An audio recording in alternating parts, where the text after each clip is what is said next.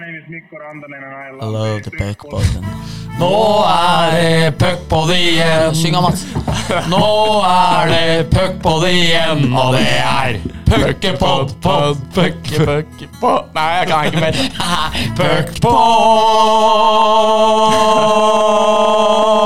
Puckpod! Og Mats er like i fella. Ja, Deilig. det- Ikke helt med på den, altså. Jeg kan ikke hele sangen. Det kan du. Men eh, vi var snillere nå enn vi var mot Larivé. Ja. Eh, for Larivé ble jo lurt utpå til å synge alene. Ja, stemmer. Vi Eh, for prøvde det fikk han beskjed om at det gjorde alle Ja, gjester. stemmer. ja, det er rett. Så det kunne gått uh, verre. Ja. Vi er her uh, i dag med Han, han sa det sjøl når han kom. Han, uh, rett og slett en skikkelig sånn B-lagsløsning. Du har ikke lagt noe imellom der? Du har fortalt det, du, Bendik? at, Nei, nei, jeg har ikke fortalt det. Ja, Men, han sa det sjøl. Da la jeg korta på bordet. Å ja, nei, men eh, vi, vi kan gjøre en eh, kort historie kort. Eh, jeg og min datter Emma var i går ute og tilbrakte noen timer sammen på ettermiddagen før matchen. Og da var vi nede ved gamle Jernbanemuseet, og det var litt uh, Klatreparken der litt, og koste oss. Og så gikk vi oppover, og da er vi så heldige at vi møter Madseren. Og da vet jo jeg at Madseren er i byen. Madseren liker puckpodden. Og når Henrik Holm da ikke hadde svart, for vi la jo ut et eh, Vi må innrømme det, fordi Henrik Holm er jo en gjest som ikke bor i Hamar, så han er ikke alltid tilgjengelig. Men det var et forsøk på hvis de trente i Hamar på morgenen i dag, så, så kanskje han ville være tilgjengelig for en liten eh, halvtime prat med oss i ishallen, eller en litt sånn eh, variant der. De kjørte rett til Gardermoen, fikk jeg melding av Holm om at det var en ære å bli spurt, men at det ikke passa denne gangen, dessverre. Da tenkte jeg kjapt og galt. 23.43. Sendte jeg melding til Madseren. Klar? Jeg er klar. Og da blei det det. Og Madseren skulle jo gjeste oss en gang uansett, fordi familien Bakke-Olsen er ikke bare venner av Puckpodden, de er gode venner av Hamar Arbeiderblad. Det er helt riktig, Bendik. Redda oss bra inn der, men eh, veldig hyggelig at du hadde mulighet, eh, Mats. Det setter vi pris på. Jo, takk. Takk for det. Det er hyggelig å være her òg. Eh, Sirkelen er liksom komplett nå. Det er, det det er ikke slutta, men er nei, komplett. Nei, nei, nei, nei, nei. Vi må jo snart ta inn eh, Eskil igjen nå etter bowlerhattfeiringa på Jordal, så fortjener jo det et eget avsnitt i, i, i puckpoden, faktisk. Men eh, med tanke på at faren er limet i laget på faktisk det som var savnet før kamp to. Eh, hockeyfrokost eh, på HA. Flere som påpekte, da var jeg direkte stolt der. Tom Erik er jo limet i laget vårt der, så dette er en familie som betyr eh, mye for eh, hele HA-familien. Det er ingen tvil om. Og det er en familie som har bidratt til mye gode historier opp igjennom. Og nå er det jo da yngste blad Bakke-Olsen som eh, vi skal få en liten historie om, eh, Bendik. Og da gir jeg ordet til deg. Ja, og så er det fint at vi har begynt familietreet der òg, fordi det folk kanskje ikke vet, er jo at eh, Mats Bakke-Olsen er jo nesten et større naturtalent hva angår å bare ta en kølle og være god i en annen idrett enn ishockey, nemlig golf.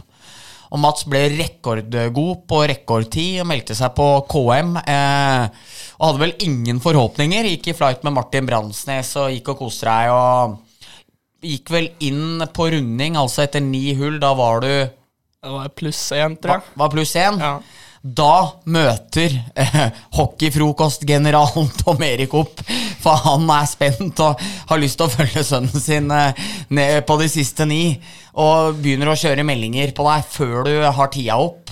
Og du har vel allerede måka to baller eh, out of bounds før du har fått sagt kake. Er ikke det rett? Kan, du, kan ikke du ta oss med på resten av den runden der, og hvordan Tom Erik oppførte seg overfor deg da? Jo, som sagt så er jo Tom Erik Olsen er jo veldig sta. Ja. Eh, på og han er jo bra på å melde. Eh, så kommer vi inn på ni der, og han ja, faen, nå må du fortsette her, altså, Mats Ern. Hvis ikke, så må spise og holde på. Hvis ikke kommer du til å ramle av. Og så kommer vi ut på tieren, skal slå ut, da. eh, Og han står og Du får litt sånn når, du, når folk står og ser på deg at du skal slå ut, da får du liksom Uff, skal jeg slå ut nå? Det er litt ubehagelig. Ja, det? Så drar jeg en venstre med en gang på hull 10. Uh, ja, når jeg spiller golf, så har jeg sånn hook, vet du. Ja. Uh, og da drar jeg en sånn powerhook på hull 9, og da er det four med en gang, og han står bare Han står og rister på huet og Hva er det du driver med nå? God følelse før andre slaget, da. Ja, da var ikke, da var ikke høy i hatten, nei. Uh, så begynner jeg å bli negativ da, utover i runda. På hull, så kommer vi på hull 17, tror jeg. Der er da- vann. Der er der er det vann. Uh, og han står og sier til meg Ja, du trenger bare to baller, Madseren. Så du kan bare sette fra deg bagen din her. Eh, så drar jeg først en rett i vannet uten å treffe den, tror jeg. Ja. Bare rett ned på dametiden rett foran. Ja, ja, ja. Og så sier han ja faen, bare, bare slå deg frem, da, så kommer du, da kommer du inn på Ja, du kan redde en boogie. Men hadde du gitt noen som helst instruks om at du følte behov for caddy-hjelp etter, etter jul på pluss én? Nei, han, øh, han øh, Som han er, så bare inviterer han seg med på runda. Og så endrer det med at på hull 17 så får jeg en 17, tror jeg, på hull 17. Jeg Hæ? tror jeg slår 17 slag eller noe på hull 17. Og jeg drar fem i vannet, rett og slett. Ja. Og Tom Erik-effekten, Ja. Tom Erik-effekten, ja. Åssen var det å spille hull 18 da? Nei, da var hull 18, da var jeg mør, rett og slett. Ja. Og da sa jeg til farsan at du blir ikke med på siste runde. Nei, er gøy, fordi vi har jo en felles bekjent Eller en felles, eh, ja, felles bekjent for deg og en venn av meg, da, Martin Bransnes, som gikk i den runden, så sa det Spilte med Mats Bakke Olsen. Det er beste jeg har sett til å ha spilt så lite golf som han hadde. Så kom Tom Erik, og vips, så var alt Alt over deg. Han mente han gikk og meldte på deg. Ja, ja, han gjorde det. Ja. Så nei, det er deilig. Altså, du får jo, han får jo ingenting gratis av. ikke sant? Nei, nei, nei. Eh, han eh, ja, så Slår du en ball feil, så er det Faen, driver du med? Han er sånn hard, vet du. Så eh, ja, det var ikke, at, det var ikke ni morsomme hull med golf. Nei, det kan jeg forstå. Nei, det er, eh, det er pedagogisk og fint av, eh, av Theo. Ja. Eh, Seal-legenden eh, viser at han ikke bare var flink til å spille hockey, men han kan å motivere podene også. Ja, ja, ja. Og det husker jeg husker når vi var inne på Theo, for jeg husker så jævlig godt i 13-14. Når Storhamar bytta trenere, så kom han og Rune Gullik inn. Og jeg var superpositiv til det, for jeg mente at det, det var litt grått. Det var litt energiløst. Så kom jo Theo inn der, og det er vel en av matcha eller noe på Jordal der han står oppå vantet. Det er et sånt ikonisk bilde. Står med begge hendene utover. Så ser ut som en sånn Jesusfigur når han står oppå vantet og skriker til dommera. Og det laget tok kvantesteg etter at Theo kom inn, så jeg tror kanskje bare at Theo ikke trenger sin 17 år gamle sønn å måtte være én til én-coach for han, så har han veldig mye positivt å bidra med. Fungerer bedre på seniornivå. Jeg altså. tror kanskje det. Ja. Ja. Den ligger ute på YouTube òg, tror jeg. At Gjør den står oppå benken. Ja, det er så fett, det bildet. ut, og jeg tror det er noe Sparta her på hjemmebane. Er det det med sånn Ja. lyseblå Storhamar-jakke? Ja. De var helt uh, sjuke, de lyseblå Ja, ja, den var ordentlig fæle. Det var sånn ordentlige trenerjakker skal være. Ja, Man kan jo drømme seg tilbake til Ukraina-jakkene også, som, eh, som de blir kalt. Med ordentlig fæl eh, blåfarge der. De hadde vel vi eh, når vi var små. Og dem pusta ikke. Det Den pusta ikke. Ja, du la vel ut et sånn årlig juletrebilde du, med, med Blakseth Huse sin Ukraina-jakke. På, påpekt Oddmund Tore på sekundene at, at det ikke var min jakke. Så der, der var den gamle laglederen våken. Der var lagleder våken, men nøste opp i det. Det er mulig vi var innom det, da, men eh, når vi nå har nevnt det, så kan vi bare få vite hvordan havna jakka til huset oppe på hytta di i Trondheim? Og det var så enkelt som at eh, det lå igjen masse jakker i Tuck Palace, gamle garderoben for de som gikk på den eh, prestisjefulle hockeylinja Tuck på Hamar katedralskole.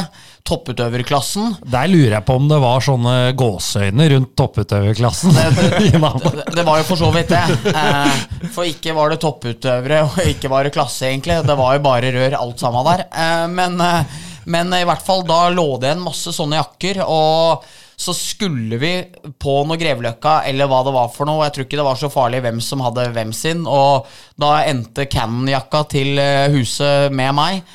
Og når mora og faren min skulle opp på hytta der og trengte hardere skyts enn eh, Roar Eriksens eh, Han går alltid for tynne jakker.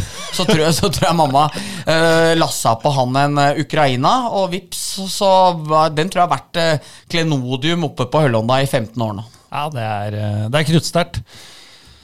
Over til noe helt annet. Vi har jo tatt steget inn og begynt som serieanmeldere, vi nå, Bendik. Ja. Eh, Vi må slenge inn en liten eh, Vi nevnte jo innebandykrigerne forrige, forrige sending. eh, Og da var jo du så raus at du rett og slett bydde opp på terningkast 100 til serien. Nå, nå er jo vi normalt ikke noen fan av å sprenge skalaen. Nei. Det har vi aldri vært, egentlig. Vi har faktisk latterliggjort folk som Ja. Har gitt terningkast 12 og, og sånn, da. ja, for det er egentlig ikke noe morsomt. Det er jo egentlig ikke det, men, eh, men vi syns jo det var litt stas når Espen P.R. Lervåg da la ut en, en sånn filmplakat med at Puckpodden hadde gitt terningkast 100, så det, det tar vi med oss. Ja, stas med fem fra VG, men det varmer mer med terningkast 100 fra Puckpodden. Eh, så han sendte meg melding og spurte om det var greit å bruke det på en plakat. Og da tror jeg svarte sånn fire og et halvt sekund etter at meldinga tikka inn. Det er helt i orden! Så, så, så nei, det var ikke noe å lure på. Det var, det var veldig hyggelig ros, eller eh, anerkjennelse, å få at eh, De glade gutter også er blitt eh, filmanmeldere eller TV-anmeldere. Ja, så det kan, Husker du forresten eh, det kan bli mer av det, Ja. så bare så det er sagt. da. Ja, for det, Nå begynner du å bli selvopptatt her, for Madseren kommer nesten ikke inn forutenom når det er golf. Men husker du han serieanmelderen på God kveld, Norge? han var sånn. Ja, han var sånn um, eh, eh, Steven Spielberg tar deg med gjennom et strålende manus. Det er velspilt fra første, eh, fra første scene. Eh, Steven Segal gjør en kjempejobb som roboten John gjennom samfulle minutter, mens René Selvenger er en herlig bikarakter i dette fantastiske dramaet. Terningkast tre. altså, altså, det var alt var dritbra, og så bare Nei, det var ikke så bra likevel. Liksom. Han var jævlig legende. Og, det kunne gjerne være omvendt òg. Ja da. Det kunne være helt sånn moderate Ja tilbakemeldinger. Treffer ikke på alt. Nei. Terningkast Ja, fem. ja. Han, var, han var helt klasse fra start til slutt. Ja, nei, han var, eh, han var rå. Ja. Så da Du sa jo at eh, nå ble det veldig selvopptatt. Eh, Det ble det. Det er jo kanskje ikke noe nytt. Vi får snakke litt om deg igjen, da, Mats. Det er jo sikkert litt hyggelig. Det var jo derfor du kom, for du liker jo best å snakke om deg sjøl. Jeg er glad i det. ja. Men eh, vi må snakke litt om karrieren din, og den er jo helt i, i startgropa. Men du har jo nå tatt steget, tok det før sesongen, og reiste til Sverige for å spille i, i Malmö. Litt om hvordan sesongen har vært. Nei, eh, det har vært eh, et veldig lærerikt år. Eh, Jeg har fått lære utrolig mye fint av å bo alene. Og litt om kulturen som svensk hockey byr på. Hvor fartsfullt hockeyen er, hvor strukturert både juniorlaga og Altså, Nå har ikke jeg spilt med seniorlaga, men jeg ser jo mye på ishockey. Og da ser jeg at strukturen i SHL det er sånn at eh, du eh, skyter som regel bare tolv skudd på mål, f.eks. Om Om du er et sånt bunnlag som da Malmö var i år. De få kampene jeg har sett da, på, i eh, arenaen. Uh, og jo, uh, laget har vært en fint, fint år. Vi har spilt mye morsomme matcher. Uh, det er aldri noen sånn eh, 7-0-kamper. og Vi, vi, vi tapte én kamp, 8-0, borte mot Veksjø. Eh, og da klart da var det blytungt hjem på bussen tre timer rett hjem. Da var det ikke i 18. Eh, men eh, jo, jeg har lært utrolig mye, som sagt. Og jeg er veldig glad for at jeg tok det valget. Og så var du vel bare en liten skoletime unna for å være en SHL-tropp òg, er ikke det rett? Jo, det var ikke var ikke langt unna det. Jeg glemte Eller altså, jeg hadde ikke Jeg har så dårlig telefon. Eller jeg hadde dårlig telefon, han hadde fått ny. Eh, Så jeg hører ikke at telefonen min ringer. Og Nei. da titter jeg på telefonen min senere og da ser jeg at treneren har ringt meg elleve ganger. Ja. Så spør jeg hva er det som skjer. Jeg er på skolen. Nei, vi sender en annen en opp eh, i stedet. Det går, det går, det går bra. ja, den er tung. Den er tung, ja. Ja, den er blitt tung. Men uh, Har du snakka med, har du snakket med, de, med treneren etter det? det, er Ja, ikke ja. noe, det er ikke noe nag for at du ikke tok telefon? Jeg bærer ikke noe nag der. Eh, Det var heldigvis en god kompis av meg som kom opp på A-laget da, Oskar Bakkevik. Som eh, er eh, en utrolig flink ishockeyspiller, han òg. For, for det skal jeg si, for jeg visste om det her fordi jeg tror det var at prata med Ole Eskil i hallen, som fortalte at når, når Madseren endelig er på skolen, så er, skjer det selvfølgelig. Det er jo Oleski liksom, som han er og la ut da den ene gangen eh, Madseren følger med på skolen, liksom, og full regle. Så jeg var jo klar over det der, og så ser jeg på Instagram at uh, Madseren eh, deler innlegget om at eh, Bakkevik eh, er tatt opp eh, på A-laget der. Og da tenkte jeg mitt stille sinn at det er creds, for der hadde ikke jeg, tror jeg, vært like unnende som eh, det du var da, Mats. Så det bor åpenbart et godt hjerte i deg eh, når, når muligheten ikke blei din den gangen der.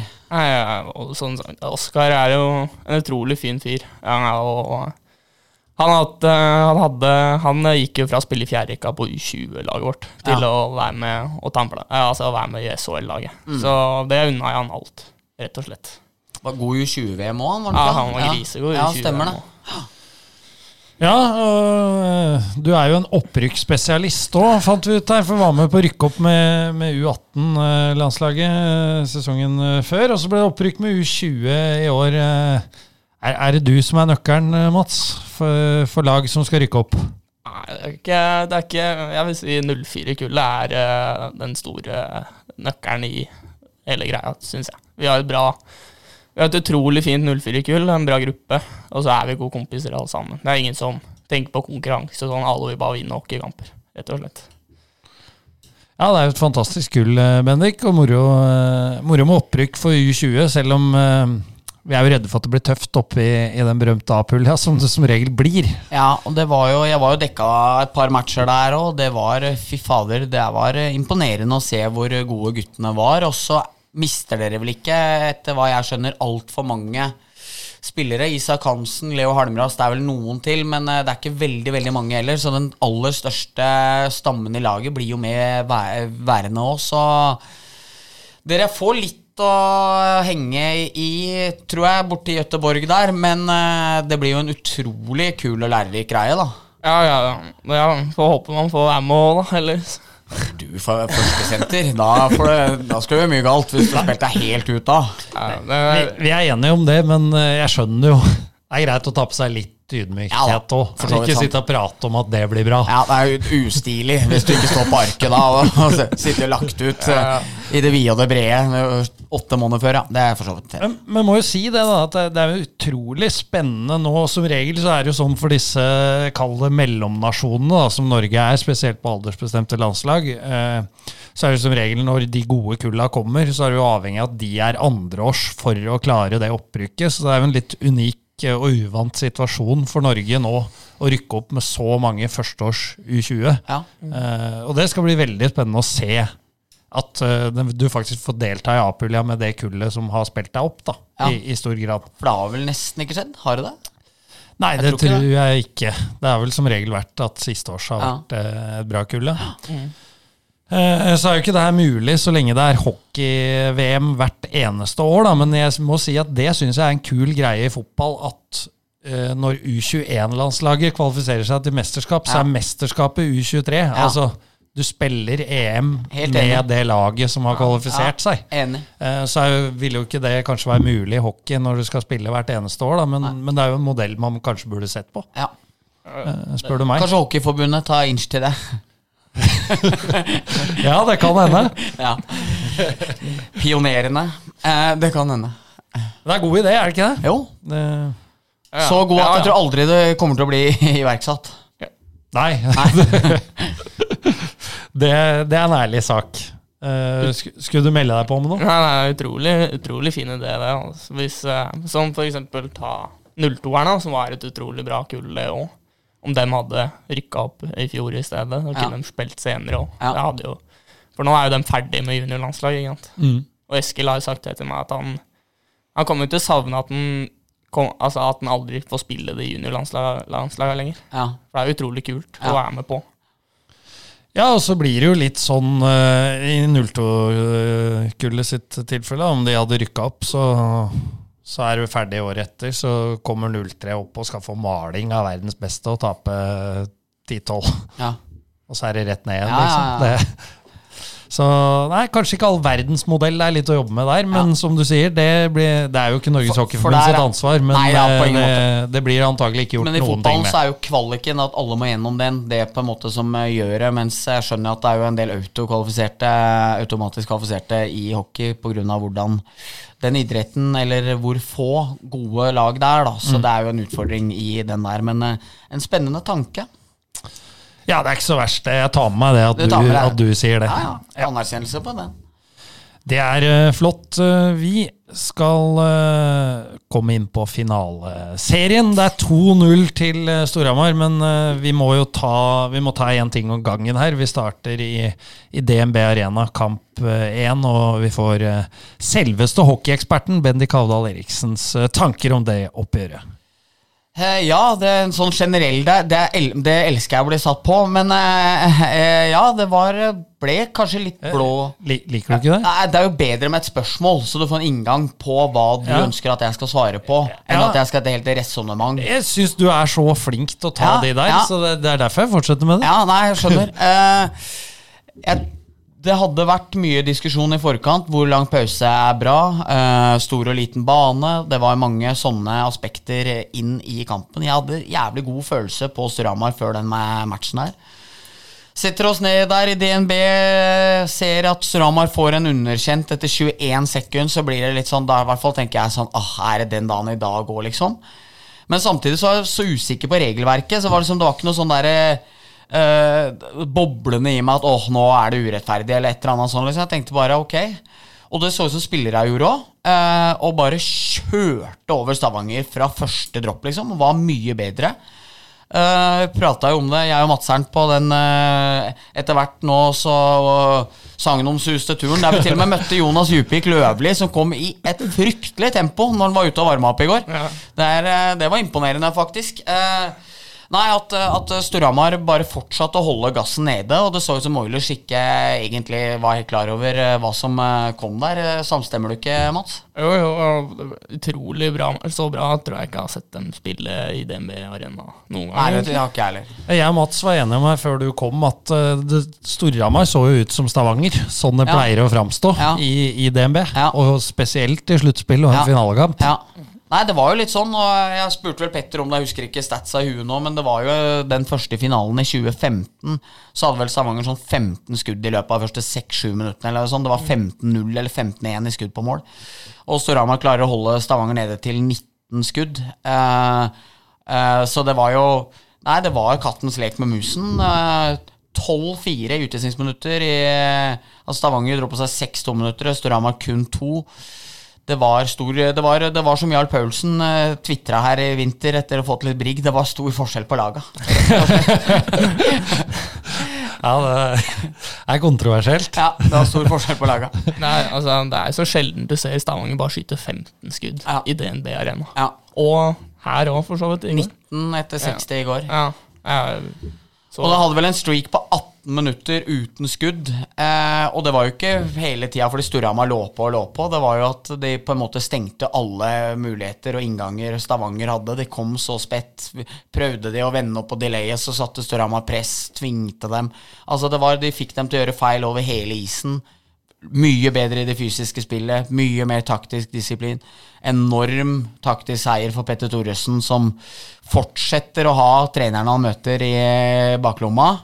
Så nei, den matchen var, eh, den var så god at man fikk altfor høye forventninger til kamp to, for det er ikke mulig å spille så bra to matcher på rad, tror jeg. Nei, og det fikk vi se i går, for uh, nå ble det jo seier til Storhamar igjen, men uh, det var jo en helt annen match. Uh, og selv om Stavanger ikke hadde så mange skudd på mål, så hadde de jo tre i metallet bare i første periode, vel. Ja, de hadde det, og det begynner vel litt med at Storhamar taper en løs puck bak målet. Det var jo Det skjedde jo så å si ikke på mandag at de 50-50-puckene gikk i favør Stavanger. Og det plinga jo metallet tre ganger der. Vel bare, det får bare bokført tre skudd på mål. Storhamar er jo jeg ser eh, den eh, momentum-greia man ser på Icehockey, så ser jeg at Storhamar har jo overtaket på perioden, men Stavanger var veldig farlig de gangene de kom, og matchen levde jo hele veien inn, men jeg føler utover i kampen, til tross for at Tommy Kristiansen sa at han syntes Storhamar så sliten ut, så syns jeg Storhamar fikk mer og mer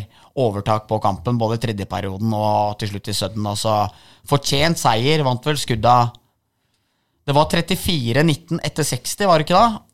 Eh, Jeg tror. Ja, Og så hadde vel Stavanger tre skudd i sudden, uh, som jeg var fra uh, Ja, så jeg syns Storhamar vinner jo fortjent, eh, rett og slett. 32-18. 32-18. Det ble 3-3 i Sudden, da. Ja. Jeg så Kristoffer Jøstne, han videotreneren på Lillehammer, er han ikke? det? Ja. Han hadde vært innom Wisehockey, jeg tror det sto 34-24. At det var den egentlige? Ja, Ah, okay, det var den egentlige. Ja. ja, for å telle litt på gefühlen, det er jo noe litt stort på det òg. Ja, og det jo Det har vi vel nevnt før, men f.eks. i Grynerhallen, der telles det jo med gaffel. Ja. For der, der får du skudd på mål. I hvert fall før i tida. Ja, før, så når vi var der med Furuset i Ja, første ja. divisjon, så kunne det bli så Vi var ganske underlegne mot Gryner. Det er rett. Og da, normalt da, så blir det kanskje 40-10 da, Ja. i skudd på mål. Men i Grünerhallen så var det 76-35. Ja. Ja. Og det er ikke mulig på Nei, 60 det, meters det er litt mye. Men, men det var sånn det var. Ja, og så var det vel når eh, Frisk fikk svinemaling av Stavanger i vinter, så tror jeg at uh, Dalberg og Fayen fikk på en 12-13 skudd eh, ekstra, som Stavanger egentlig ikke hadde, som eh, kom i, kom i matchprotokollen her. Så lite grann ser vi av, ser vi jo av dette fortsatt, men eh, ikke i like stor grad som i gamle dager i Grünerhallen. For det det var ikke bare alltid gaffel, det var høygaffel. Altså, det var nesten å få 200 skudd imot, liksom. Når keeperen har sluppet inn 10 og hadde over 90, liksom. Det var, ja, det var, det var, det var, de- det var de glade dager. Det var de glade dager. Eh, vi må adressere noen eh, kontroversielle situasjoner i finaleserien også. da. Eh, 2-2-målet til Storhamar i går fant vel vi ut Vi snakka jo sammen i begge pausene, eller alle tre pausene, Bendik. Det var en offside, landa vi vel på, for ut fra det jeg har funnet i Jeg trodde først det ikke var offside, for pucken er på blå rett før skøyta til Var det Salsten? Med butt But.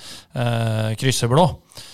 Eh, men nå er det sånn at pucken tilhører den sona den kommer fra. Okay. Det vil si at eh, da tilhører den på en måte midtsona til den er over blå. Okay. Så da var det noen centimeter offside, da, okay. sier de eh, lærde. Ja. Så er det selvfølgelig motsatt når pucken skal ut. Da må Ja. den jo helt over blå Ja. for at den skal være ute. ja. Ja, det visste ikke jeg. Det, det visste ikke jeg heller, men eh, det, det har jeg funnet i regla. Ja. Uh, og det ble også sagt på tribuna. Okay. Så da var skal det visst ha vært en offside på en 5-6 cm. Ja. Men uh, twitteriatet, noen eh, mener jo at eh, det er soleklar offside. ja. Det er det ikke når det er 5 er det ikke. Nei. Mm, Twitter, der er det mye rart. Det. Det er, det er noen varianter Der der. er, der er, jeg, der er jeg litt rar sjæl òg, noen ganger. Nei, det må til, det, faktisk. Ja, ja. Du og Martin Johnsen girer hverandre opp litt der i ny og ne. Det er litt Ja, stort. Martin og jeg, vi er, vi er gode på å være Altså plage hverandre litt. Ja, ja. Altså, fordi, ja, vi er jo Når vi sitter sammen, så er vi jo som regel enige i ma- masse ting. Ja. så når, det var vel Sparta Når Storhamar fikk så mye utvisninger, jeg tror det var 81 utvisninger han ja, borte, ja, stemmer det. så var det Berglund gikk inn og var ikke borti keeperen eller Nei, stemmer. så-. Ja, Han ble knekt i isen her. Ja, så ta dommeren utvisning på Berglund. Ja, da var det sånn, da må, da må du ut og, da må du ut og sage litt, rett og slett. Det, er, det er faktisk lov, da. Og da tror jeg Martin og jeg tweeta akkurat samme tweeten, bare samtidig uten noe samspill. Ja. ja, nei, det husker jeg faktisk. Ja. Det, det var, den var sterk. Det var, eh, det, var det var faktisk en litt sjuk eh, situasjon. Ja. Det er deilig, må være deilig å være i Sverige og ta for deg litt motspillere og Ja, er, dommere og det, i, som i hjemlig liga. ja, det er det som er fint med når du ikke tilhører, tilhører ligaen lenger. Kan ikke bli tatt eller noe sånt for å si hva du mener. Fatter seg jo korthet her. 5. januar, spar meg, altså VM. 14. januar, vær så snill, da, Solheim og Vardeberg. Og Vardeberg er mellomnavn òg. Så har liksom ikke, jeg har liksom ikke gått for, gått for ordentlig etternavn heller. Ja, det, det var Nei, men eh, alle får en stemme etter hvert Ja. på Twitter. Ja. Og noen ganger så blir altså, det blir jo ikke Jeg har ikke så mye følgere at folk liksom stoler på meg så bra. Men eh, At du får si hva du vil, syns jeg er godt. og- Ja, ja, det, det, sånn må det være. Men dette er vel noe Antonsen og Golden i Misjonen har problematisert. Altså, de, de har jo pekt på det at det er jo ikke noe flere idioter i verden i dag Nei. enn det var for 40 år siden. Men, men det virker sånn, fordi nå har alle mulighet til å uttale seg, og da ser du hvor mange tette folk det Ja, er. det er helt rett. Og det er jo et problem. Ja. Så er ikke du nødvendigvis der, da, Mats. meg da. Spar meg av svim. Noen, ganger, noen ganger er man idiot. Spar meg, ass. Vi er det en situasjon med Thoresen? Ja, det, det- det må det ha vært. Ja, da var jeg forbanna. Altså. Og det er jo en helt strålende overgang. Jeg trenger ikke engang å pense, Eriksen. nei, nei. Vi, vi er på sporet. Ja, du kan vente med pensen din nå. Du kan Ja. utsette den. Ja, for uh, vi må snakke litt om overspilling. Kan jeg klarere én ting først, da? Ja. Uh, for det prates om uh, Da tenker jeg på supportere. Det er diving eh, det hele tida ropes om. Hvis det er en forseelse, og du overspiller den, da er det ikke diving. Da er det embellishment. Yes. Altså overspilling, som det norske ordet er. Så ja, sånn som de to situasjonene i går, det er ikke diving. Men overspilling er det kanskje. Ja, jeg veit ikke. Det er eh, jeg vil, jeg vil eh, faktisk trå litt varsomt eh, med å mene altfor mye der. Det kan være at det er det, og jeg tenker også at det kan være at at både Sakserud og Vold Engebråten faller litt lettere der enn hva de normalt ville gjort. Så er det en annen diskusjon med om dommerne dømmer, med mindre man gjør det. Så må Hoff ta en diskusjon med seg selv om det er vits å gjøre det i et powerplay. Kissel, som er så rutinert og god som han er, eh, burde han sette begge hendene opp i ansiktet på Vold Engebråten i et så skarpt lege, så jeg tenker vi kanskje det, For mitt vedkommende, som eh, har en eh, liten journalisthatt oppi det hele, tror jeg lar passeren videre til eh, Bakke-Olsen her, som, som sikkert har noen formeninger om at noen må, må spare den, eller et eller annet. Nei, men vi snakka jo om det i stad, òg, at uh, uh, noen ganger så må du faktisk overspille om dommeren skal se det. Uh, for dom, det er mye dommeren ikke ser òg samtidig. Så Sander og Sakserud Du kan si at det, det, faller litt, men altså, det er det du må gjøre. Om dommerne skal ta på. Så har du et eksempel i kamp én med nevnte Kissel, eh, hvor Rønningen får to minutter for holding. Eh, og det er en klar to minutter for holding. Ingen tvil om at Sverre Rønningen skal ha den. Men han hadde antagelig ikke fått den hvis ikke Kissel hadde vært voldsomt eh, opptatt av å vise fram hvor hardt han gikk på skøyter. Ja. Med jerna rett fram, da. Ja, så- Eh, altså, han Så ut som han Sonic når Ja. rett før han begynner å løpe. Men eh, det jo, han faller jo ikke, eller noe sånt. Nei. Men han, eh, altså, han overspiller situasjonen. Han tydeliggjør for dommerne Hei, jeg ble holdt her, jeg. Mm. Jeg må ta den her. Det gjør de.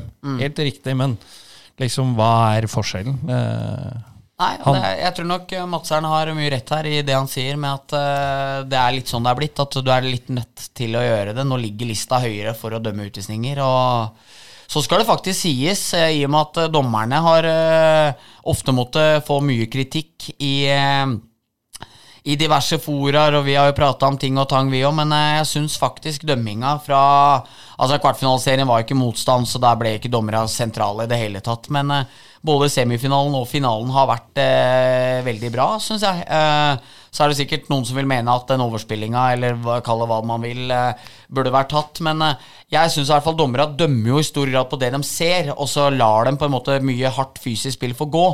Og det er i hvert fall morsommere, syns jeg, enn eh, å enten slippe opp helt eller å bli petimeternøye når man kanskje ikke alltid klarer å holde lista hele veien. da. Så tror jeg, eh, når det gjelder den overspillingen, at det er en forskjell også som, som gjør at dette blir veldig irriterende, selvfølgelig spesielt for Stavanger-fans og, og laget. I går, er jo det der at her er overspillinga, hvis det er det, eh, å falle. Mens Kissel faller ikke, men tydeliggjør. Ja. Men samme når folk blir hekta også, så er det jo noen som er Å, se så hekta jeg blir! Ja, ja. Ikke sant? Overkroppen Ja, eh, faller går fremover og ja, og det er jo Hvis du blir hekta oppi halsen, som det omtrent blir, så, så vil du antagelig falle bakover hvis det er veldig hardt. da. Ja, og så må man òg, syns jeg, feie litt for egen dør. Og det er, nå er ikke det her meninga å adressere noe mot de på Oilers, men når Aron Irving ga Bastiansen muligheten til å gå ned i 2019, så syntes jeg Altså, ja, det var jo selvfølgelig eh, med at man er født i Hamar og følger Storhamar, så syns man jo var kjipt at det ble avgjørende for det.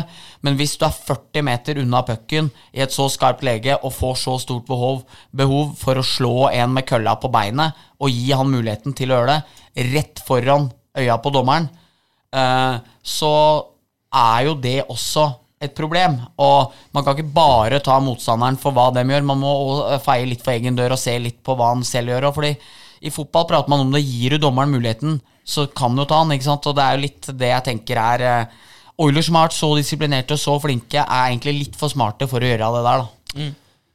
Helt enig. Og så tror jeg jeg er litt lei av den derre Det pågår jo hver sesong, og holdt på å si hver runde, så er det jo liksom dem diver, han diver. Jeg tror alle laga i ligaen har spillere som uh, har falt lett i løpet av den sesongen her. Så det er liksom Er det noe verre det ene stedet enn det andre? Ja, det blir veldig tydelig for Stavanger i går. De mener det er to billige utvisninger som tar bort et overtallsspill for dem, men som du sier ikke hoff, ikke gå bort og dytt Saksrud ikke inn muligheten. Uh, Kissel, ikke slå en bekk som har stoppa deg i trynet, for det er jo det han gjør. Så kan man ja. diskutere om Sander må sette det ene kneet nedi eller ikke, men ikke slå folk i trynet, så slipper du å sitte utvist. Ja, nei, det er så enkelt. Og da syns jeg nesten vi skal runde av debatten med Petter Thoresens verbale knockout på Eklund på TV 2, når han sa, når han, sa, når han eh, hevda at Eklund holdt seg til feil kinn. Så, så dere det? Fy faen, jeg gliste da. Når, når, Du når, skal, skal hylle But litt òg, som, som står og håner han på Jordal og når han kaster seg ja, ja, ja, den var sterk, altså.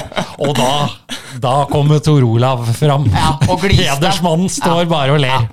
Det er så Ja, det er så klasse, det bildet sønnen til Kasper Wikestad har tatt der, når du ser Tor Olav få latterkrampe når eh, han kaster seg ned. Men jeg tror også man skal eh, faktisk ikke undervurdere det at det var fint det var Tor Olav, en litt yngre dommer som kanskje ikke hadde dømt kampen før, kunne ha gått i fella og gitt minutter der, og ville jo blitt en komisk utvisning for dommeren. da.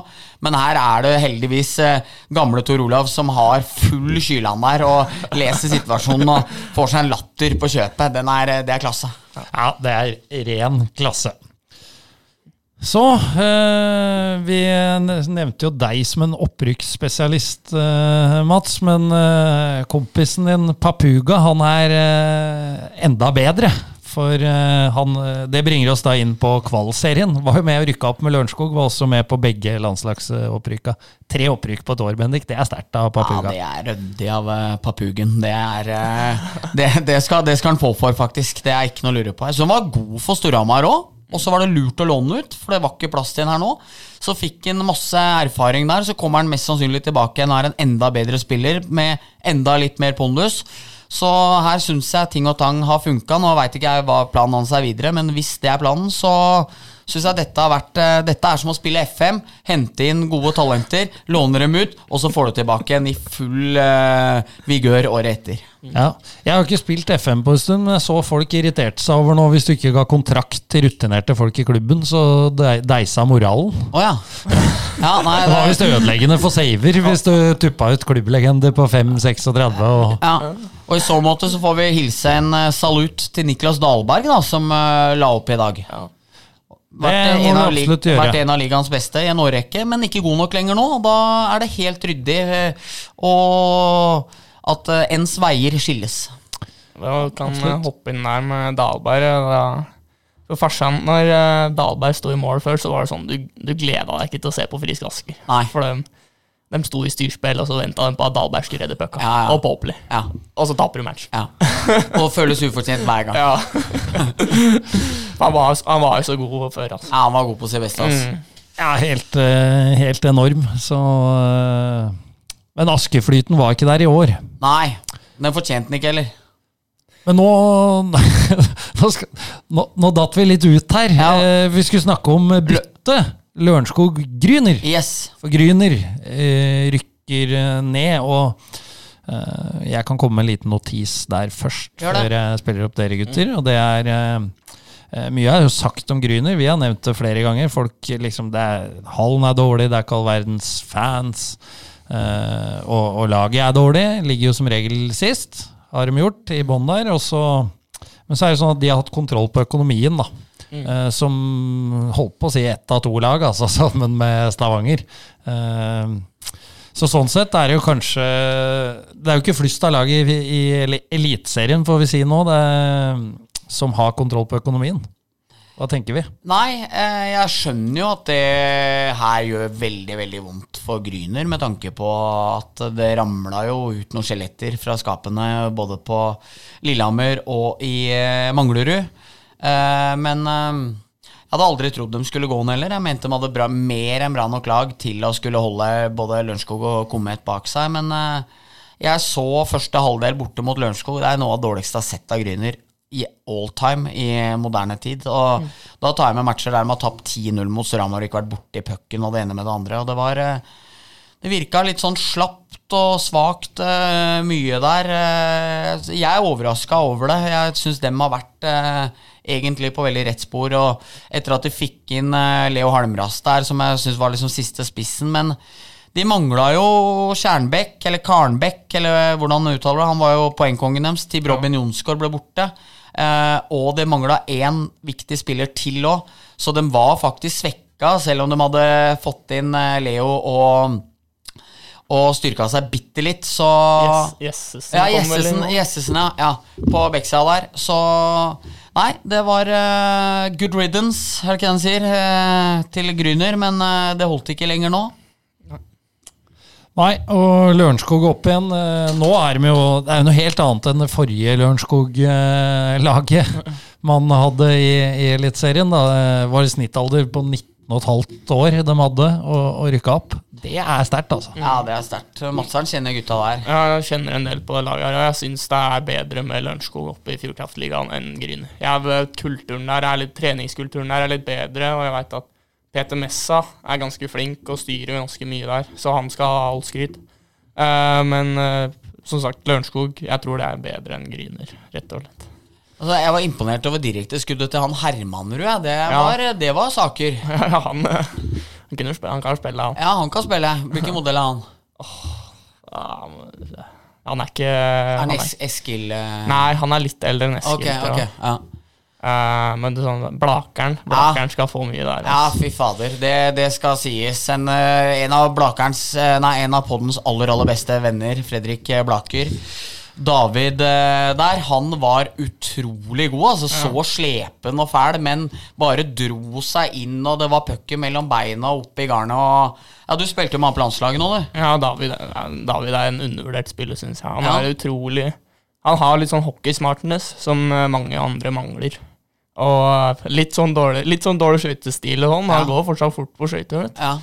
Og sterk med pucken. Og jeg syns at han ikke har spilt Fjordkraftligaen før nå, er utrolig, syns jeg. Ja, faktisk, han kjørte jo Den matchen jeg så, han kjørte jo karusell med SS-en. Noe så fryktelig inn ut fra Rømante der, så Men jeg hører han er aktuell for litt større klubber enn eh, Lørenskog òg, så det blir spennende å se om eh, Og kanskje han får litt puckball-effekt her nå. At nå sitter det folk og Nå sitter agenta og, og, og spisser øra her, og sportssjefa Johansen, når, eh, når eh, Blaker får eh, litt kred. Ja, det, det går jo stort sett bra hvis du blir nevnt eller er innom podden, men Ja. det er jo noen Kenneth Larsen f.eks. led jo en fryktelig trist skjebne etter, etter at vi besøkte Ja, ham. det er. Da var jeg faktisk arbeidsledig ganske kort tid etterpå. Han er vel arbeidsledig nå, ikke? Jo, det kommer litt an på hva som skjer med Furuset, da. Men vi må si det, da. Furuseth Furuset henta jo mange av de Lørenskog-gutta altså, som har vært gode for Lørenskog, som gjorde at de var topplag i første divisjon. Eh, veldig tøft gjort. Jeg trodde da at Lørenskog ble litt sånn ribba, men har jeg skjønt i ettertid at eh, det var jo et bevisst valg av Lørenskog. Altså, de ønska jo å satse ungt. Ok. Eh, og, og, og slippe noen av de spillerne som, som det sto, da, som er i midten av 20-åra oppover, som er fornøyd med å klaske puck i første divisjon, Ja. og er gode der Ja. Men kanskje ikke har den sulten. da. Nei. Eh, De tok et valg der, og så klarte de det. Det syns jeg er kult. Og treneren er vel eh, hva var det, 28 år, han òg. Niklas Andresen. Ja. Så nei, utrolig imponert over det de har fått til. Han Andresen mener jeg har eh, liksom utvikla seg for å bli trener i ganske mange år, og begynte vel Jeg tror jeg har spilt mot han jeg, på yngre, i yngre lag òg. Ok. Og jeg tror han hadde Lørenskog i 20, kanskje. Ja, det tror jeg stemmer. Ja. Og by, og by, er fra MS, tror jeg, som begynte vel der sammen med Stolt Wang og Melby og de der eh, unggutta der. Og det er flinke gutter, blitt karriere på mange av dem. Og, så han eh, Andresen, han, eh, han er ikke født i går. Sterkt av uh, Lørenskog. Det var det. Og Blakerens uh, gutter uh, Du satt ved siden av Blakeren i går, var på plass i Amfin. Uh, Blakeren var akkreditert som fotograf fra, fra Romerikes Blad i går. R rett inn med iPhone Med iPhonen sin og blinke noen bilder. iPad hadde han med seg. iPad han nå, for han skal ha kontroll på påsketravet. Så, så Blakeren har full kontroll. Og måtte, jeg møtte han jo oppe i fjerde etasje ved, der eh, kommentator og statistikk eh, sitter, og, og der hevda han jo at plassen hans var den der eh, analysesjef Daniel Jørgensen Ja, sitter. det er iskaldt, det. Her, her sitter jeg. Ja. Så da måtte jeg lede den ned til deg, Bendik, og du tok den under eh, vingene. Ja, ja, ja. Så eh, Blakeren har håp om at Suramar vinner 4-2 i matcher, for da skal det bli generalskjenk på Hamar på Blaker. Måtte prøve det, mente han. Ja, det, det er noe både Hamar by og Blakeren fortjener. Ja. Så får vi se om han får eh, vilja si.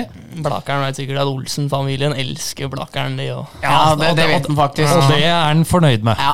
Det, er, det er stort når, for Blaker. når han hørte det at uh, dere hadde sett det klippet når han ramler over gjerdet der over 100 ganger, da ble han da ble han ordentlig bøs nede på Bruvollen der. Det er ikke noe å lure på. Jeg tror farsan har sett den serien fem-seks ganger på TV-en. Jeg tror mut- mutter'n er så lei den. jeg. Det kommer til å klikke i huet på deg snart. Men det er jo stort introdusert seg jo for Dima Smirnov i går, og da han presenterer seg altså som Blakeren. Ja, det var ikke noe mer. S- Sier ikke Tor Fredrik. Nei, Eller bare Fredrik. nei. Blakeren. Blakeren, ja. Rett inn. ja. Uh, vi, vi skal snart komme til de faste spaltene. Eller vi skal det, men uh, i dag så er det jeg, Bendik, som har fått lov av deg å, å, å by på Ukens røver. Fordi, eh, for jeg kom over denne historien som er aldeles fantastisk. ja Jeg, jeg meg. jeg la jo ut en liten teaser eh, i forrige pod, var vel det, om en eh, doktor Sakserud i, i hvit frakk. Eh, og nå har vi fått nøsta opp litt. Eh, Det har vært mye versjoner. vet du. Det har vært Dragons Cuper og mm, Storhamars sommerhockeyskole og, og litt av hvert. Men nå viste det seg det var kontinentalcup når eh, eh, Dynamo Minsk, var ikke det de het, eh, Bendik? Var Spilte på- jævlig grisete. Spilte veldig grisete, men eh, de hadde trening i kontinentalcup som gikk her på Hamar på tidlig 2000-tall, eh, var det vel. Eh, og da var det sånn at eh, Storhamar som arrangør var jo pålagt å ha lege i hallen, men, men det var det jo ingen som hadde fiksa til, eh, til treningene som, eh, som gikk. Eh, og Dynamo Minsk får jo en skade, og det begynner å skrike nede i Olamfin. Og 'doktor, doktor'! Og eh, Morten Sakserud vet jo at eh, faen, dette har vi ikke på plass. Nei. Kjapp tur inn i- innom dopingrommet der, som det het, som nå er legerom. Eh, Ordna seg en sånn hvit frakk, da, tok på seg og inn til, inn til Minsk. Kjenner litt på, på kneet til han spilleren. You can play tonight. da var han klarert for spill.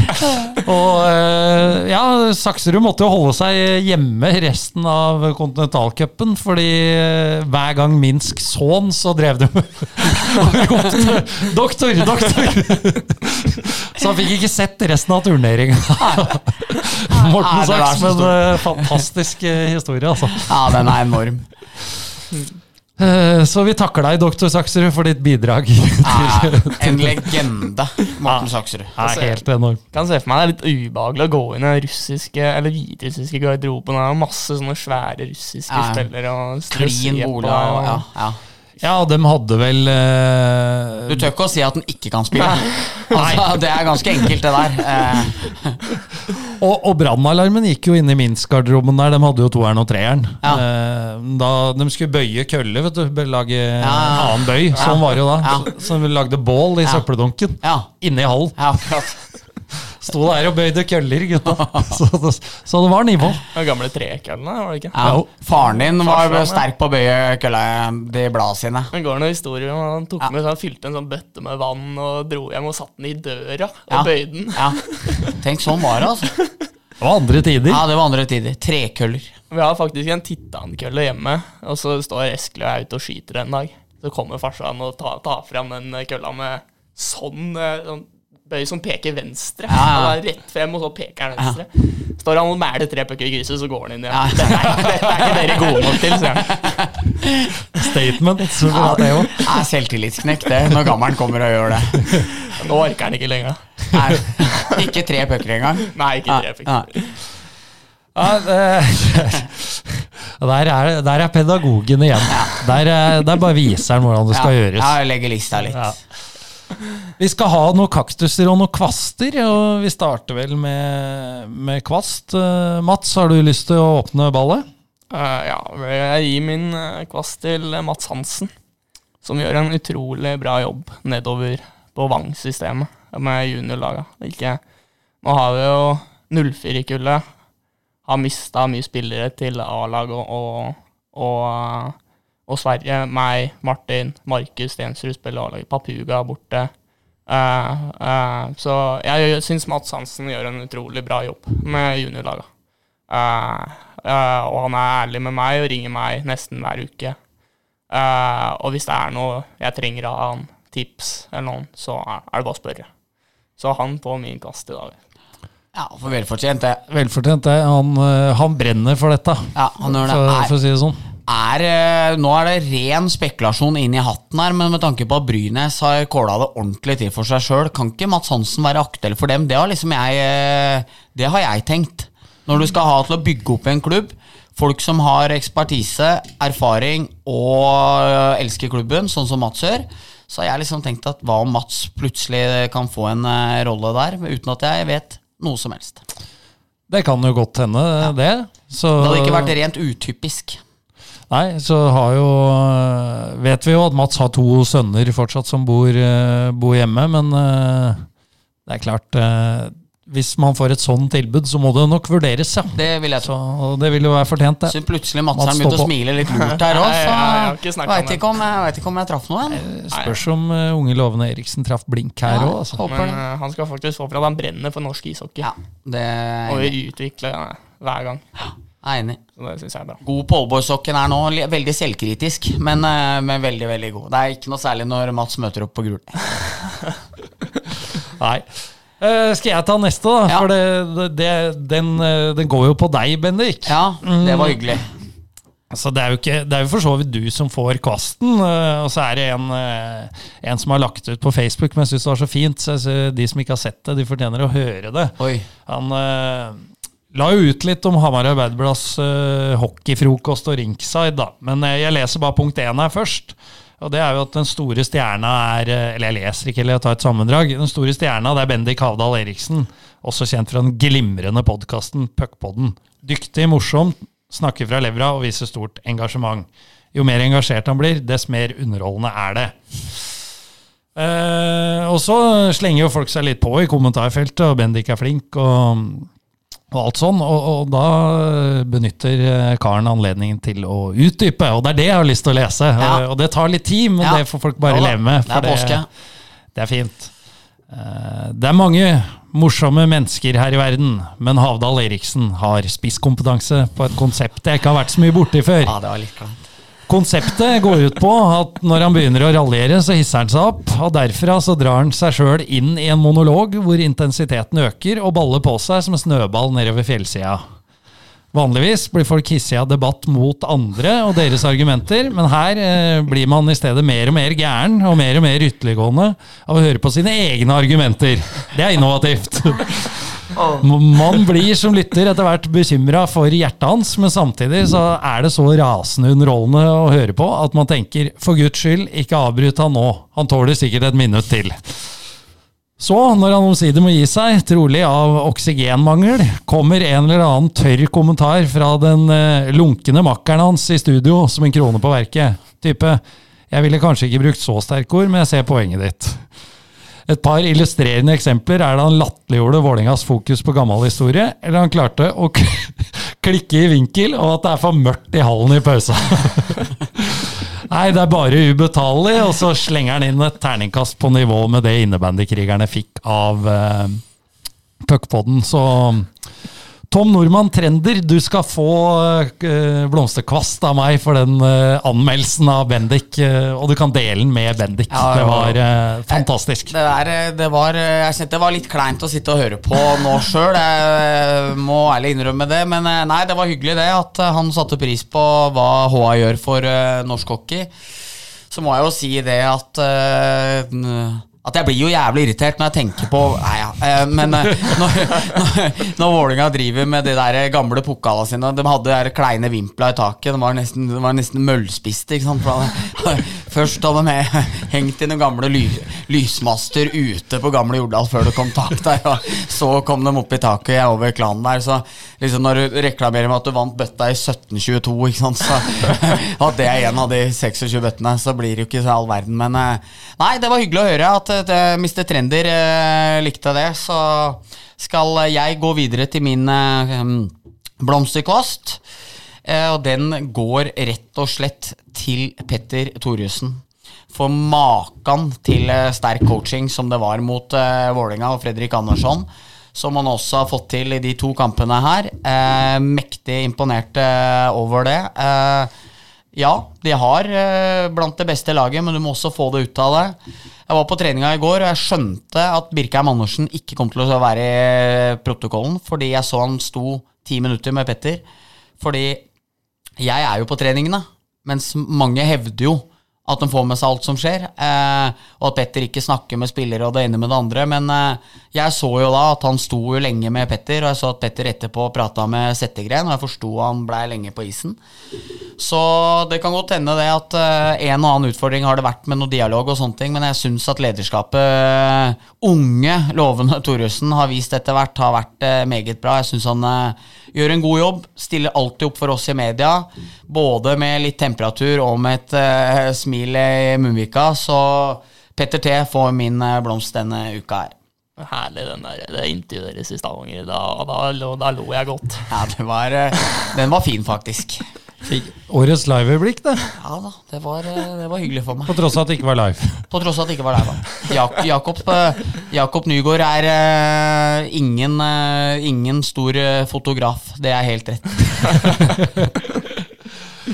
Nei, ja, men uh, fin blomsterkast, Bendik. Ja. Og med SIL oppe 2-0 og harmoni i troppen, så kan ikke noen ta deg på det heller. Nei, jeg synes ikke det. Og om jeg hadde kunnet ta deg på det, så hadde jeg ikke turt det. For, eh, for det er jo Petteren det er snakk om. Yes. Jeg er imponert over hvordan de har klart å snu skuta fra åssen de var liksom i starten av sesongen. Samme her, men må liksom ikke glemme det. Hadde vel eh, ni tap av de første 20 eller 21 første matcha. Og det var liksom Det var mange spillere òg som ikke helt kom inn i det. Altså, det var jo Eskil inn og ut der med litt småskader, litt ving, ble brukt litt der. Simen André syns jeg har vært eh, lojal og tålt å være litt nede i hierarkiet, hvis man kan si det. Ofte blitt belønna med powerplay, men hadde jo eh, Noor som ikke produserte, Carlsson ikke produserte. altså mange brikker, og så tuppa ut Genron, gjør- lånte ut noen spillere, fikk selvfølgelig inn stor kvalitet. Nå er det, 14, nei, nå er det 13-1-0 eh, på hjemmebane. Her er det Ole Brunken som skal få ros. De hadde 66-9 i målforskjell og 13 strake seire før Sudden-seieren i går, så noe rett har eh, de gule og blå gjort eh, fra, eh, fra jul og inn. Helt riktig. Helt riktig. Eh, Så må vi høvle over. Jepp. Og det er Unge Loven og Bakke-Olsen som starter med det. Ja, nå skal ikke jeg bli sånn altfor politisk og sånn, men uh, min kaktus går da til politikerne i Hamar som nekter Storhamar skjenk. Uh, jeg mener at uh, Storhamar hadde hatt så godt av å ha bare en bar eller noen i Amfinn, sånn at folk kan kose seg, ha det gøy. Så er det jævlig inntekt for Storhamar òg. Sånn at uh, Det blir billigere for kommunen. ja. Og så slipper du å ha sånne masse eksterne midler som spytter inn penger hele tida. For jeg tror de har tjent jævlig mye penger på å ha den ølen i ja, hallen.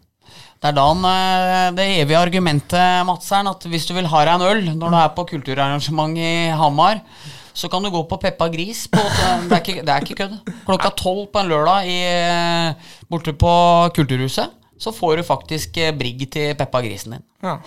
Det er, Det er ikke flaut. Nei, eh, og det er sjukt. Ja, det er en faktaopplysning, ikke en egen mening jeg har heller.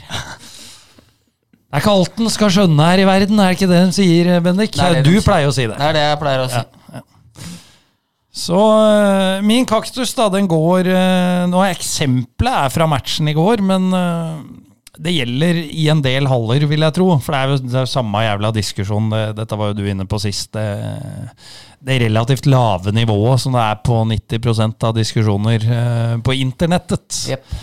Men øh, sånn som i går, så blir jo Tommy Christiansen skyte i ansiktet her vel øh, der. Det så i hvert fall veldig sånn ut, og du så at Tommy fikk litt problemer med en gang, og så spilte han jo etterpå. Eh, da er det klapping. Altså sånn eh, fra publikum, da. Jeg tenker du må, må bruke huet litt. Ja, hva de burde ha gjort. Ja, Ja. Nei, altså Folk applauderte for at han fikk problemer etter å tilsynelatende blitt skutt Ja, ja. i trynet. Da klapper vi ikke. Nei. Eh, altså Du kan klappe hvis den blir liggende og så reiser seg igjen. Men liksom folkeskikk, tenker jeg da, for det er jo en potensiell skummel situasjon. Så gikk jo det der bra. Og da tenker jeg, hvis du ikke, hvis du ikke har sett situasjonen, da får du la være, da. Ja. Eh, For vi sitter ikke og klapper for at folk får uh, slagskudd i trynet, hvis de får det. Det er en uting. Og så har vi jo tidligere vært også på, på pipinga på BB. Uh, jeg modererer meg litt der, så jeg skal ikke ta med den, fordi uh, jeg er litt enig med folk som Det er litt sjarm, det òg. Er ikke det? Jo, også sånn eh, i finale to, så liksom eh, Hvem var det som fikk Foilers i går? Tipper det- Østby var det. Jeg tipper det ikke var Gervais eller Beck, men eh, ja, Østby, ja. Ja, Eh, Østby. ja, ja da, da er lov i finale to, liksom. Der, da er det sånn til, til det er over. Men får man eh, BB i finale seks når man har tapt, f.eks., så mener jeg det er jo storsinna. Men der syns jeg Hamar-publikummet pika på rørendehet. Når Storhamar feia Manglerud 8 eller 9-0 første matchen. Eh, og så eh, Manglerus beste spiller eh, 44, Tore Thoresen uh! så, sånn, så det sånn Jeg husker ikke hvem som fikk femme, så jeg sånn Sa jeg at jeg og Tor Nilsen begynte å glise oss bare sånn Ja, vinner 9-0, vinner skuddstatistikka Skuddstatistikken 55-11 BB-en er han pipes på altså, Det er ikke én mulighet man ikke tar Til litt eder og galle er- Da blir det også litt rørende Ja, jeg er enig i det. Og så var det, den har vi nevnt før, det var jo enormt i 2015 når, eh, når Pål Ja. Johnsen fikk BB i, eh, etter den sjuende finalen i Ja. DNB. Eh, Pål var vel kanskje ikke BB den kampen, men det var en litt sånn NHL-hyllest som Ja. de gjør der, når de gir alle tre stjernene Ja. til han som skal gi seg. Ja. Fantastisk av eh, Stavanger, det de gjorde der. Og da applaus fra hallen også. Eh, og hvis vi nå da kommer i en situasjon enten at Storhamar vinner nå på lørdag og kan avgjøre hjemme med 4-0, eller kan avgjøre etter seks kamper, da håper jeg Hamar-publikum er storsinna når det er over. Ja Om så det er Tommy Christiansen som får BB den Ja. kampen. Eller Sveum, da, som har varsla at han skal eh, legge opp. Ja. Så at man eh, på en måte viser storsinnet nok der. Men det er, det er litt fingerspitzgefühl, alt det her. Jeg mener i går. Eh, skal aldri si eh, i går når man er på radio eller podkast, men jeg mener eh, onsdag. Så- Onsdag 5. april. ja, onsdag 5. april, når buteren akkurat har løfta taket der, og tre poeng. Eh, når BB-en kommer da, og du får enda en mulighet, den derre Cats Boots, ikke sant, full pakke der, der skal da jeg vet, Det er sikkert levert inn, og det er sikkert nøye planlagt, og alt der. Og Rønhild spilte en kjempematch, jeg skal ikke ta fra han noe som helst, men der skal buteren inn og få den, og du bare fortsetter å holde momentum oppe, ikke sant? Ja, og jeg var jo på kamp i går. Det var min, min første eh, kamp jeg var i hallen i sluttspillet nå. Ja. Eh, jeg må si Kubegutta har vært på jobb nå. Ja, dem er altså, det jobb, var mye krydder der nå. Ja. Jeg, jeg har gått i klasse med et par av disse, tror jeg. Oskar Samuelstuen og Elias Frey. Så dem, dem er jo faktisk utrolig flinke. Ja, og jævlig bra intro har de nå, så det er, nå er det, det er saker. Jeg Kan må få si en liten kvast, dem, altså. Ja, den får en kvast nå. Ja. en Litt, litt mer punch musikk. Eh, bitte liten eh, rosa her. En liten nagle i sida. Bitte litt mer punch musikk før lineup-sangen til Storhamar mens de er borte og hilser på dommera. Når Markus Stensrud eh, var DJ den ene matchen han var, så var det den derre One av Swedish House. Dun, dun, dun, ikke sant? Da får du, ikke sant? Du begynner å riste allerede nå. Da, da får du publikum enda et lite hakk opp. Men enorm, enorm jobb av Kubegutta. Ja. ja. Um, ehm, skal jeg sage, egentlig? Ja, eh, men da kan jeg bare jeg komme tilbake til. Jeg kan komme tilbake til det jeg begynte med. Altså Ja. Det jeg mener er å drive og applaudere skader på spillere, Ja. det må vi holde oss for gode til. Det Og det er ikke bare i CC Amfi, det er alle andre aldre òg. Det må vi slutte Ja, med. enig. Så det er poenget mitt. Det er tiltredes. Det er greit nok å pipe på folk som har pucken, men det er mens de spiller. ikke sant? Ja. Jeg husker pa når Patrick spilte i Furuset Forum, var det ikke? Ja. og hele hallen sto og pipte på ham. Det syns jeg var litt rått. da. Ja. ja, nei, det er klasse, faktisk. Ja. Og så må man jo se an litt. Altså, altså alle så altså, Når Ekelund blir krysstakla i skuldra og holder seg til hodet, så skjønner jeg at publikum som ser det, reagerer på overspillinga. Yep. Så det, det er stor forskjell, men når, når det liksom Jeg ville følt meg dum hvis jeg hadde stått og PP på en som har blitt takla i ryggen, og neste som skjer, at ambulansen kommer utpå, liksom. Da, da tror jeg jeg hadde tenkt, eh, tenkt meg om neste gang. Ja, det var det som var poenget mitt. Nå var det jo ikke et slagskudd i går, men Tommy fikk et skudd opp i Ja. ansiktsregionen, og du så han ble litt sånn desorientert. Da. Sleit med balansen, og, Ja. som du kanskje gjør hvis du får den oppe ved øret. Og da er det utidig å, å drive og klappe for det, tenker jeg, selv om Tommy er breial. Enig. Skal vi ta med det på tampen, at det var stort av Tommy å stille til intervju Ja. etter, eh, for å bruke hans ord, eh, drite seg ut? Ja, Så eh, det skal han ha, og det har han jo gjort før også, når det har vært høy og mørk, og stilt opp i etterkant. Enig. Det, er, det viser klasse. Det er bedre at det var han som gjorde den feilen, enn en 18 år gammel. Ja, det tror jeg Spiller. Han har rista der seg til neste match. Ja, det tror jeg. Det tror jeg.